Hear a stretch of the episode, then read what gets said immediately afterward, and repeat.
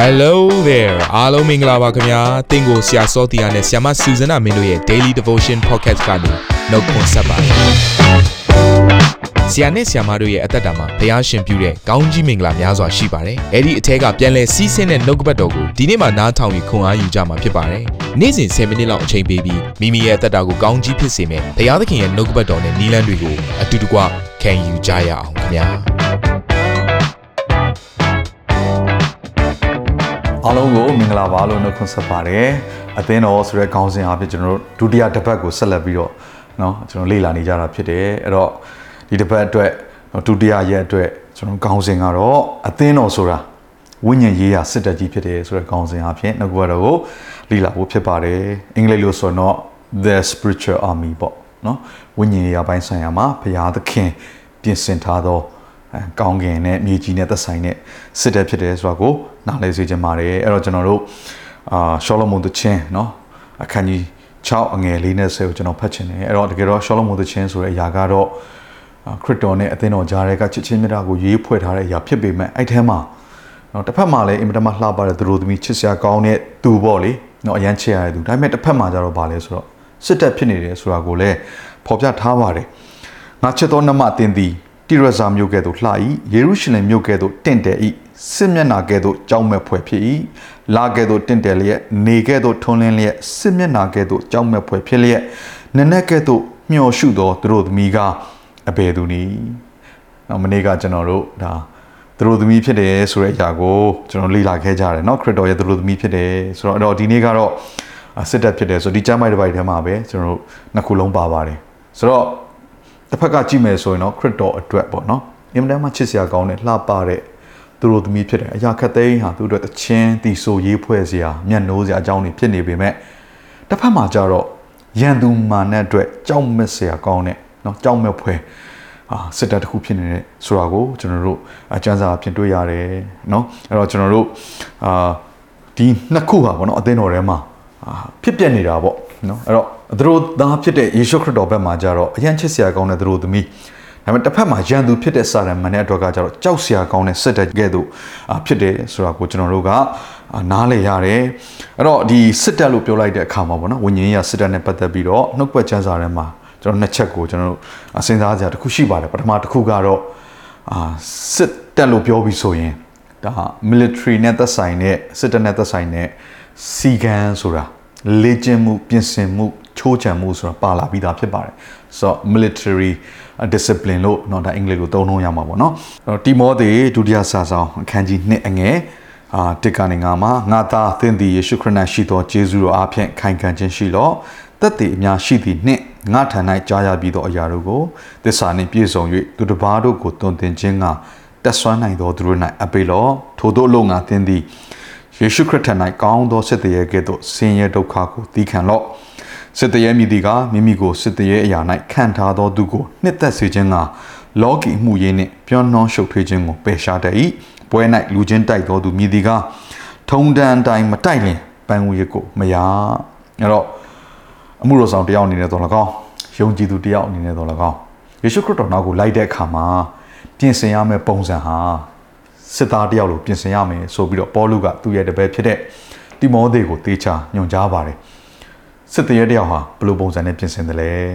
เนาะအဲ့တော့ဝิญဉ်ရေးစစ်တပ်ထဲမှာပါတဲ့ဝิญဉ်ရေးရ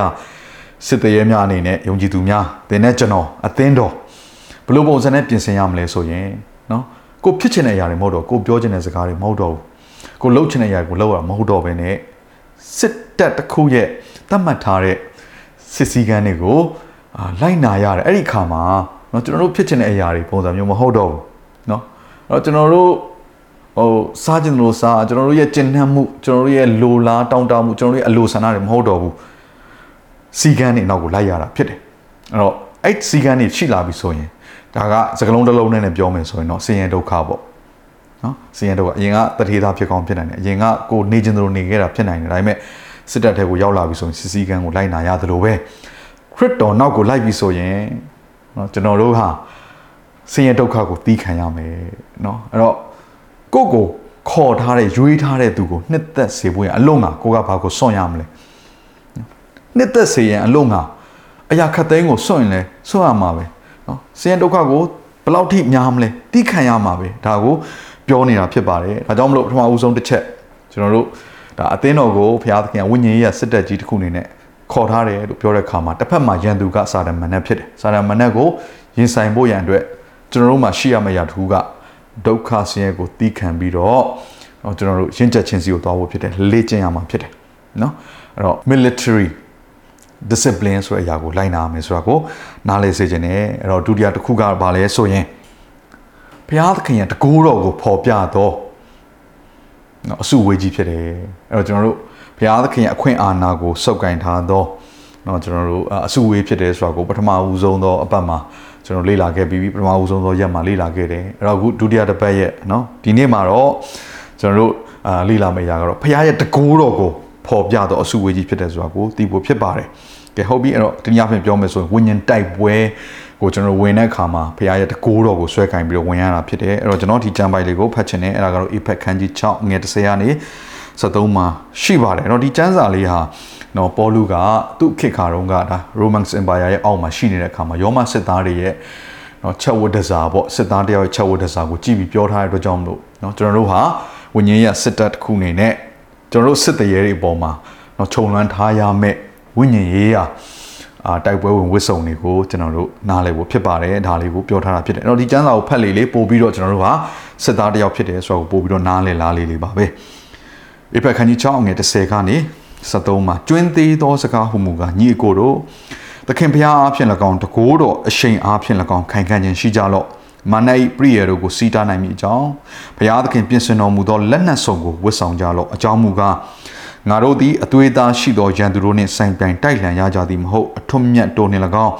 အာနာစတို့နှင့်၎င်းလောကီမှောင်မိုင်း၌အစိုးတရားပြုလုပ်သောမင်းတို့နှင့်၎င်းမိုးကောင်းကင်၌နေသောနတ်ဆိုးတို့နှင့်၎င်းဆိုင်ပြိုင်တိုက်လှန်ရကြ၏ထို့ကြောင့်ခဲရင်ဆိုးရုပ်သောနေ့ရက်ကာလ၌စီးတားနိုင်ဖြင့်ကိစ္စအလုံးစုံတို့ကိုပြည်စည်း၍ခံရနိုင်မည်အကြောင်းဘုရားသခင်ပြင်ဆင်တော်မူသောလက်နက်စုံကိုယူဆောင်ကြလော့เนาะဆက်ပြီးဖတ်မယ်ဆိုရင်ဒါချက်ဝတ်တစားအမျိုးမျိုးကိုတွေ့ရလိမ့်မယ်အဲ့ဒီမှာခံစင်းနဲ့ဆိုင်နဲ့เนาะချက်ဝတ်တစားတွေ့ရသလိုတိုက်စင်းနဲ့ဆိုင်နဲ့ နော်ဒီဓာတ်ဆိုတဲ့အရာကိုလည်းတွေ့ရလိမ့်မယ်မီးစက်လက်နက်ကိုကာနိုင်တဲ့တခါဒိုင်းလွားဆိုတဲ့ခုခံတဲ့အရာလေးကိုတွေ့ရလိမ့်မယ်အဲ့တော့ခံစစ်တိုက်စစ်ဒါတွေအတွက်ကြိုတင်ပြင်ဆင်ပြီးတော့ကိုယ့်ရဲ့အသက်တာထဲမှာပြင်ဆင်ထားရမယ်ဝစ်စုံဟာဘာကိုပြောနေလဲဆိုရင်ကျွန်တော်တို့ဟာစစ်သားတယောက်ဖြစ်နေတယ်ဆိုတော့ကိုပြောနေခြင်းဖြစ်တယ်ဝိညာဉ်ရေးစစ်တရေများဒီနေ့သင်ရဲ့အသက်တာဟာဝိညာဉ်တိုက်ပွဲကိုနေ့တိုင်းရင်ဆိုင်နေရပါတယ်ဆိုတော့ကိုမမေ့စေချင်ဘူးဒါကြောင့်မလို့သင်ရဲ့အသက်တာမှာဘာရှိဖို့လိုလဲဘုရားရဲ့တကိုး ပြည့်စုံလို့နေဖို့လိုတယ်နော်ဘုရားသခင်တကူအားဖြင့်သာလျှင်ထိုရန်သူမာနကိုကျွန်တော်ကတွန်းလှန်နိုင်မှာဖြစ်တယ်ဆိုတာကိုလည်းနားလည်ဖို့ဖြစ်တယ်ဒါကြောင့်မလို့ဘုရားသခင်ကျွန်တော်တို့ကိုအသင်းတော်အနေနဲ့ဒီလောကမှာထားတဲ့ခါမှာ powerless အနေနဲ့မထားပါဘူးနော်တကူမရှိတဲ့အဖွဲ့တစ်ခုအနေနဲ့မထားဘူးတကူနဲ့ပြည့်စုံသောအစုအဝေးဖြစ်ဖို့ရန်အလို့ငါတန်ရှင်သောဝိညာဉ်တော်ကိုဒီလောကကိုဆေလွတ်လိုက်တယ်ယေရှုခရစ်တော်ရဲ့အာအမှုဆောင်လုပ်ငန်းကိုကျွန်တော်စပြီးတော့လေ့လာလိုက်တဲ့အခါမှာလဲ ကြည့်လိုက်တဲ့အခါမှာသူယဉ်နေချင်းမင်္ဂလာခံယူပြီးတော့ရေကပေါ်တဲ့အချိန်မှာတန်ရှင်သောဝိညာဉ်တော်ဟာသူ့ပေါ်မှာတက်ရောက်တယ်ဆိုတော့ကျွန်တော်တို့အကျမ်းစာတွေလေ့လာခဲ့ကြတယ်အဲ့တော့အဲ့ဒီတန်ရှင်သောဝိညာဉ်တော်ဘုရားကသူ့ကိုနော်ကန္နာရအရက်ကိုရက်40နော်စုံစမ်းခြင်းခံမှုရန်အတွက်အစာကိုမစားရေကိုမတောက်ဖဲနဲ့အာဒီယာကိုကြော်ဖြတ်ပြီးသွားတဲ့အခါမှာနှုတ်ကပတ်ကျမ်းစာရဲ့ထူးခြားသောမှတ်တမ်းတင်ခြင်းကဘာလဲဆိုတော့ဝိညာဉ်တော်တကိုးနဲ့ပြည့်စုံပြီးတော့အမှုတော်ဆောင်နေဆိုတဲ့အရာလေးကိုတွေ့ရလိမ့်မယ်အဲ့တော့ကျွန်တော်တို့အသင်းတော်ပေါ်မှာလဲ နော်တင့်ရဲ့အသက်တာပေါ်မှာလေတကိုးနဲ့ပြည့်စုံသောယုံကြည်သူတကိုးနဲ့ပြည့်စုံသောစစ်တရေတယောက်ဖြစ်ဖို့ရန်အတွက်တင့်အပေါ်မှာဘာတက်ရောက်ဖို့လိုလဲဆိုတန်ရှင်သောဝိညာဉ်တော်တက်ရောက်ဖို့လိုတယ်တန်ရှင်သောဝိညာဉ်တော်တက်ရောက်လာတဲ့အခါမှာတဲ့တကိုးကိုခံရ၍အာမင်အဲ့တော့တမန်တော်ဝတ္ထုခန်းကြီး1ငယ်10မှာရှိပါတယ်နော်ဒါရှင်တော်ဝိညာဉ်တော်တက်ရောက်လာတဲ့အခါတကိုးကိုခံရပြီးတော့ဘုရားသခင်ရဲ့တက်တည်ဖြစ်မယ်။ဒါကြောင့်မလို့ဒီနေ့ဘုရားသခင်ကအသင်းတော်ကိုတကိုးမဲ့တဲ့အဖွဲတစ်ခုအနေနဲ့မထားပါဘူး။တကိုးမဲ့တဲ့ နော်အာစစ်တက်ဘာမှနော်မစွမ်းဆောင်နိုင်တဲ့အာစစ်တရေတွေအနေနဲ့မထားဘဲနဲ့တကိုးနဲ့ပြေဝသောရန်သူမာနတ်ကိုတကိုးအားဖြင့်နတ်ဆိုးတွေကိုတကိုးအားဖြင့်ခြေမုံနိုင်သောအသင်းတော်အနေနဲ့ထားခဲ့ပါတယ်။ဒါကြောင့်လို့ယေရှုခရစ်တော်အမှုဆောင်လုပ်ငန်းကိုကြည့်တဲ့အခါမှာနတ်ဆိုးတွေကပြေးကြတယ်နော်ယေရှုခရစ်တော်ကိုမြင်တဲ့အခါမှာဒါနဲ့ယေရှုခရစ်တော်နတ်ဆိုးတွေကိုနှင်ထုတ်တဲ့အခါမှာအာမသက်ထဲမှာကျွန်တော်တို့တွေ့ရတဲ့ဇလံလေးတစ်ခုထဲမှာဆိုရင်နော်အာလူတယောက်တွေ့ရတယ်အဲ့လူက သူကနားလည်းမကြဘူးနောက်တစ်ခုကစကားလည်းမပြောနိုင်ဘူးเนาะ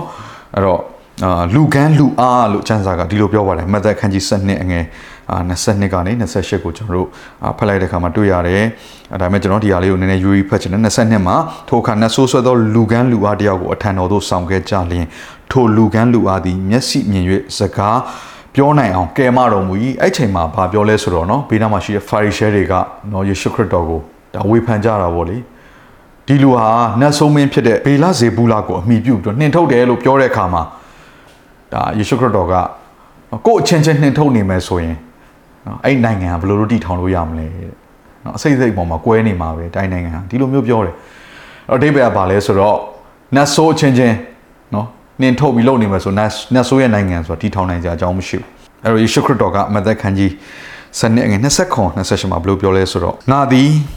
ဘေလဇေဘူးလာကိုအမိပြု၍နတ်ဆိုးတို့ကိုနှင်ထုတ်သည်မှန်လျင်တင်တို့ဤသားတို့သည်အဘယ်သူကိုအမိပြု၍နှင်ထုတ်ကြသနည်းထို့ကြောင့်သူတို့သည်တင်တို့အားတရားစီရင်တော်သူဖြစ်ကြလိမ့်မည်ငါသည်ဖျားသခင်ဝိညာဉ်တော်ကိုအမိပြု၍နတ်ဆိုးတို့ကိုနှင်ထုတ်သည်မှန်လျင်အကယ်စင်စစ်တင်တို့၌ဖျားသခင်နိုင်ငံတော်တည်ခြင်းရောက်လေပြီဖျားသခင်နိုင်ငံတော်တည်ခြင်းဟာဘာနဲ့ဓာတ်ရိုက်သက်ဆိုင်နေလဲဆိုရင်တန်ရှင်တော်ဝိညာဉ်တော်တကိုးနဲ့သက်ဆိုင်နေပါတယ်ဖျားရှင်နိုင်ငံတော်ဟာစကားမှမတည်ပါဘူးတကိုးမှာပဲ တည်ထောင်လို့ရပါတယ်ထို့တကိုးဟာဘယ်သူရဲ့တကိုးလဲဝိညာဉ်တော်ရဲ့တကိုးဖြစ်တယ်လို့အတိအလင်းယေရှုခရစ်တော်ကပြောတယ်နတ်ဆိုးတွေကိုနှင်ထုတ်နိုင်တဲ့တကိုးဟာဘသူရဲ့တကိုးလဲဘုရားသခင်ဝိညာဉ်တော်ကိုအမိပြုပြီးနှင်ထုတ်တာဖြစ်တယ်ဝိညာဉ်တော်ရဲ့တကိုးဖြစ်တယ်ဒါကြောင့်သင်ရဲ့အသက်တာထဲမှာသရှင်တော်ဝိညာဉ်တော်ရဲ့တကိုးတက်ရောက်ပြီးတော့နတ်ဆိုးတွေကိုနှင်ထုတ်ပြီးတော့နတ်ဆိုးရဲ့ချုံနှောင်ခြင်းအောက်မှာရှိတဲ့လူတွေကိုလှုပ်ချင်းပေးဝင်ရန်ဘုရားရှင်အသင်းတော်ကိုစစ်တပ်တစ်ခုလိုတိဆောက်ထားတာဖြစ်ပါတယ်ဒါကြောင့်ညီကိုမောင်နှမများသင်ဟာ တကိုးနဲ့ပြေဝသောယုံကြည်သူလားအသင်းတော်ဟာတကိုးနဲ့ပြေဝသောယုံကြည်သူလားဒါမှမဟုတ်တကိုးတွေပျောက်နေသောလူမှုအဖွဲ့အစည်းတစ်ခုလားဆိုတာကိုယနေ့ဆင်ခြင်ဖို့ဖြစ်တယ်ဘုရားသခင်တော်အသင်းတော်ကိုတကိုးနဲ့ပြေဝသောစစ်တပ်တစ်ခုလိုမြင်ကျင်တယ်မာနကတော့တုံလှုပ်တယ်ထိုအရာကိုကြည့်ပြီးတော့အဲ့တော့အသင်းတော်မှာတကိုးမရှိဘူးဆိုရင်ယုံကြည်သူတွေမှာတကိုးမရှိဘူးဆိုရင်မာနကကြိုက်တာပေါ့ဒါကြောင့်လေနော်မာနသည်အသင်းတော်မှာရှိသောယုံကြည်သူများကိုလှည့်စားထားတယ်ဒါကြောင့်အသင်းတော်တွေဟာ တကိုးမဲ့သောအသင်းတော်တွေဖြစ်လာပြီဆိုရင်တော့ဖျားရှင်နိုင်ငံတော်တည်ထောင်မှုဆိုတာလည်းမဖြစ်နိုင်တော့ဘူး။ဘာကြောင့်လဲ။တန်ရှင်တော်ဝိညာဉ်တော်တကိုးအားဖြင့်သာလူတွေကိုလွှတ်ချင်းချမ်းသာပေးပြီးတော့နိုင်ငံတော်တည်ထောင်နိုင်တာဖြစ်တယ်။ဒါကြောင့်ဧဝံဂေလိသတင်းစကားကိုတကိုးအားဖြင့်တက်တည်ထူရတာဖြစ်တယ်။ဧဝံဂေလိသတင်းစကားရောက်တဲ့နေရာတိုင်းမှာလည်းတကိုးဟာထင်ရှားတယ်။နှဆိုးတွေကထွက်သွားရတယ်။ချုံအောင်ခံရတော့သူများလွတ်မြောက်တယ်ဆိုတော့ကျွန်တော်နားလည်ရပါတယ်။ဒါကြောင့်မို့ဒီနေ့ အသင်းတော်ကိုဖခင်ရှင်ဘယ်လောက်ထိအောင်ပြင်ဆင်ထားလဲဆိုတာကိုနားလည်ပြီးတော့မိမိအသက်တာကိုလည်းတကိုးနဲ့ပြေဝသောအသက်တာဖြစ်ဖို့ရန်လုံကဝိညာဉ်တော်ကိုအသက်တာထဲမှာဖိတ်ခေါ်ပါကြိုးဆိုပါနေရာပေးပါတော့ကျွန်တော်နှိုးဆော်ခြင်းနဲ့နောက်ဆုံးကျမ်းစာလေးကျွန်တော်ဖတ်ချင်ပါတယ်နှစ်ကောခန်းကြီး30အငယ်3ကနေ9အပဲကြောင့်ဤဟုမူကားငါတို့သည်လူစားတိ၌ကျင်လေတော်လဲဇာတိပဂရိအလိုတို့လိုက်၍စစ်တိုက်ကြသည်မဟုတ် ငါတို့စစ်တိုက်၍တုံးဆွဲသောလက်နက်သည်ဇာတိပဂရိလက်နက်မဟုတ်ဘုရားသခင်တကိုးတော်အားဖြင့်မြို့ရိုးမြို့ပြတို့ကိုဖြိုဖျက်နိုင်သောလက်နက်ဖြစ်၏ထိုလက်နက်အားဖြင့်လူတို့၏အကြံစီတို့ကို၎င်းဘုရားသခင်ကိုတည်သောပညာကိုစီတာသောမာမာနရှိသည်များကို၎င်းနှိမ်ချမှောက်လန်၍ခတ်သိမ်းသောစိတ်တို့ကိုဖန်သွားချုပ်ထားလျက်ခရစ်တော်၏စကားကိုနားထောင်ကြစေ၏အဲ့တော့ဒီနှုတ်ကပတ်ကျမ်းစာဖြင့်ဘာကိုနားလဲရလဲဘုရားသခင် ရဲ့တကိုးတော်အားဖြင့်သာလူတွေရဲ့အသက်တာကိုပြောင်းလဲစေနိုင်တယ်လူရဲ့ပညာဉာဏ်နဲ့လူစားတိအဖြစ်လူတွေကိုဆွဲဆောင်လို့မရပါဘူး။အဲကြောင့်ပေါ်လူကငါတို့တရားဟောတဲ့ခါမှာတဲ့လူရဲ့ပညာနဲ့လူတွေကိုတွေးဆောင်တာမဟုတ်ပါဘူးတဲ့ဒီလိုမျိုးသူကပြောပါတယ်နော်။ဝိညာဉ်တော်ရဲ့တကိုးအားဖြင့်ပဲနော်လူတွေကိုအသက်တာတွေကိုပြောင်းလဲစေတာဖြစ်တယ်ဆိုအနားလဲဖို့ဖြစ်တယ်။နောက်ဆုံးကြမ်းမိုက်ဖတ်ခြင်းနဲ့အေဖက်ခန်းကြီး3အငယ်30အပဲကြောင့်ဒီဟုမူကငါတို့သခင်ယေရှုခရစ်ကိုအကြောင်းပြု၍ ထာဝရအကြံတော်ရှိသည်နှင့်အညီကောင်းငင်အရတ်တို့၌အထွတ်မြတ်အာဏာစက်တို့သည်ဖျားသခင်ထူးဆန်းသောပညာတော်ကိုအသင်းတော်အားဖြင့်ယခုသိရကြမည်အကြောင်းဒီအာမင်အကြောင်းဘုရားသခင်ဟာအသင်းတော်ကိုတကိုးနဲ့ပြုတ်သောအသင်းတော်သူဘုံထင်ရှားစေသောအသင်းတော်ဉာဏ်ပညာနဲ့ပြည့်စုံသောအသင်းတော်ဖြစ်ကြွားခြင်းတာဖြစ်ပါတယ်အောင်ပွဲကိုရသောအသင်းတော်အနေနဲ့မြင်ခြင်းတာဖြစ်ပါတယ်အဲကြောင့်သင်ဟာတကိုးနဲ့ပြည့်တော်သူဖြစ်တယ်ဆိုတာကိုနားလည်စေခြင်းနဲ့ အကယ်၍သင်သက်တာထဲမှာထိုရာကိုမခံစားသေးဘူးဆိုရင်လေတန်ရှင်သောဝိညာဉ်တော်ကိုကြိုးစိုးပါဝိညာဉ်တော်သင်ပေါ်တက်ရောက်လာတဲ့အခါမှာသင်ဟာတကိုးနဲ့ပြည့်ဝသောစစ်တရေကဲ့သို့နော်မှောင်မိုက်ကိုနိုင်သောသူတယောက်ဖြစ်လာမယ်ဆိုတာကိုနားလည်စေခြင်းနဲ့ခဏလောက်ဆုတောင်းရအောင်ဘုရားသခင်ကိုရောကိုယေရှုတင်နေအသင်းတော်ကိုခရစ်ယာန်ဘက်ကတကိုးနဲ့ပြည့်စုံသောအောင်ပွဲကိုခံဖို့ရန်အတွက်ပြင်ဆင်ထားသောဒီနေ့စစ်တပ်တစ်ခုအနေနဲ့ကိုရောကအကြံစီရှိပြီးသားဖြစ်တယ်ဒါကြောင့်ဒီနေ့ယုံကြည်သူတယောက်စီတိုင်းသည် တကိုးနဲ့ပြေဝသောယုံကြည်သူများဖြစ်ဖို့ရန်ဝိညာဉ်တော်ပြသူတို့ပေါ်မှာတက်ရောက်ပါဝိညာဉ်တော်စုကျေးဇူးအမျိုးမျိုးနဲ့ပြေဝစေပြီးတော့တကိုးအားဖြင့်နတ်ဆိုးမှောင်မိုက်တကိုးကိုဖယ်ရှားပြီးတော့ချုပ်နှောင်ခံရသောသူများများစွာကိုလွတ်ချင်ပေးသောအသင်းတော်ဖြစ်ဖို့ရန်ကိုရောကျေးဇူးပြုပါမိကြောင်းအသက်တာချိန်တိုင်းများကိုအနန္တခါမှာအသက်ရှင်သောယေရှုခရစ်တော်၏မြတ်သောနာမကိုမြှုပ်ပြုလက်ဆုတောင်းဆက်ကန်နိုင်ကြပါ၏ဖဖျားအာမင်